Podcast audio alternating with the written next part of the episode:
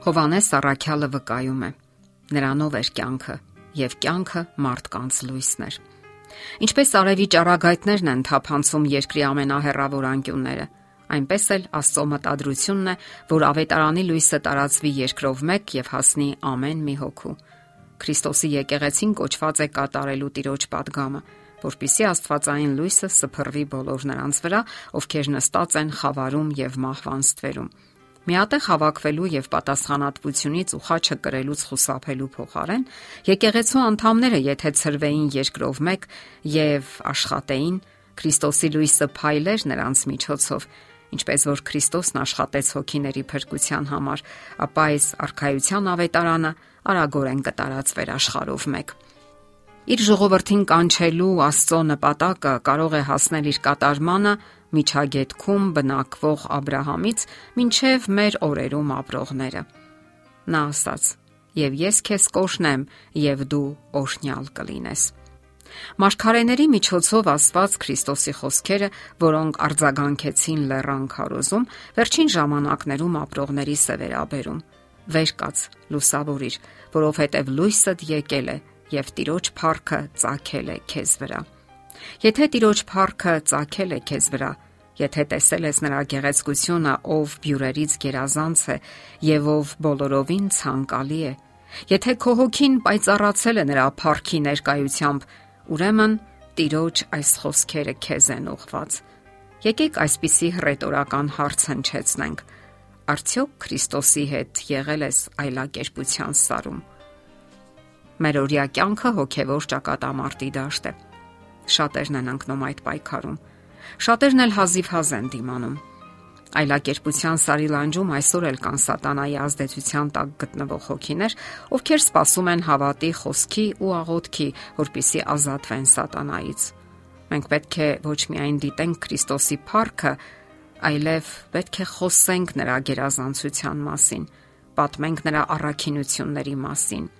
Wayne Magdile բարեկամություն հանուն Քրիստոսի իր գրքում գրում է.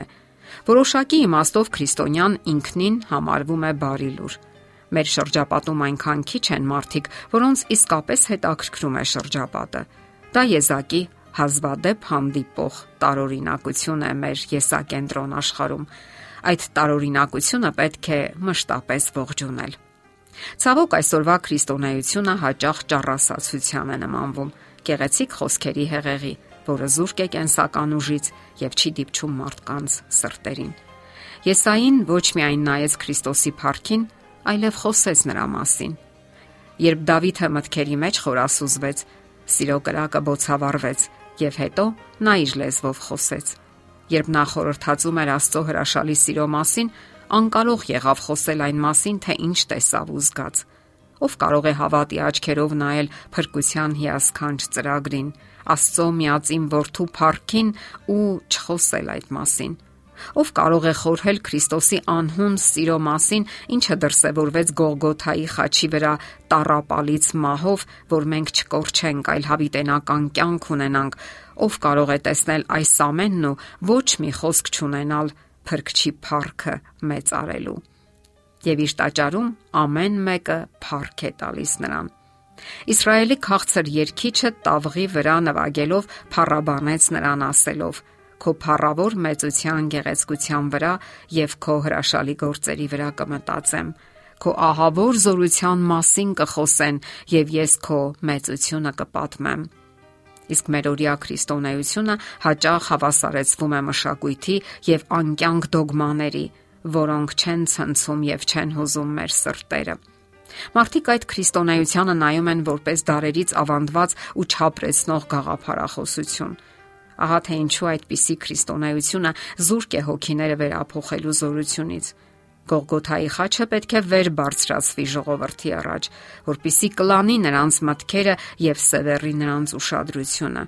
որից հետո բոլոր հոգևոր ընտունակությունները կլիցքավորվեն Աստվածային զորությամբ, անմիջականորեն Աստծուց։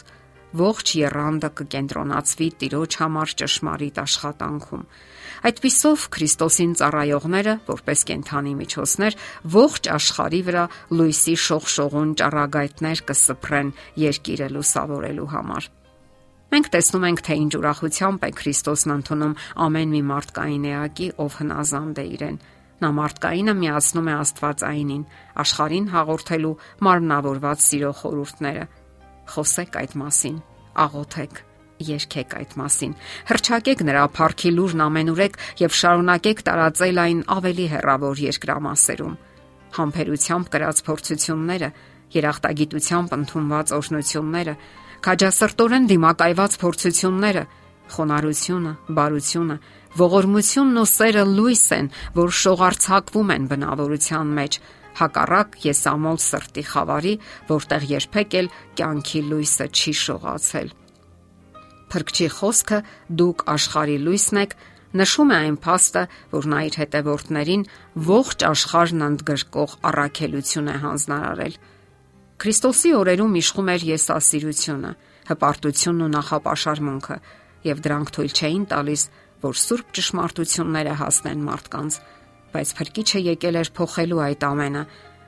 Նրա շուրթերից դուրս եկող խոսքերը նման չէին քահանաների ու վարդապետների խոսքերին։ Քրիստոսը քանդում է եսասիրության, ազգերը բաժանող նախապաշարմունքի միջնապատը եւ ցույց է տալիս ողջ մարդկային ընտանիքի հանդեպ տածած սերը։ Նա հանում է մարդկանց իրենց եսասիրության նեղ շրջանակներից եւ վերացնում տարածական սահմաններն ու հասարակության արհեստական խտրությունը։ Այդպես էր նա տարածում իր աստվածային լույսը եւ լուսավորում մարդկանց։ Մենք էլ պետք է օրինակ վերցնենք նրանից եւ ոչ մի տարբերություն չդնենք մարդկանց միջև, ովքեր էլ որ նրանք լինեն։ Նաեւ այդպես է տարածվում Աստծո լույսը մեր միջոցով։ Եթերում ղողանջ հավերժության հաղորդաշարներ։ Ձեզ հետ է Գեղեցիկ Մարտիրոսյանը։ Հարցերի եւ առաջարկությունների համար զանգահարել 033 87 87 87 հեռախոսահամարով։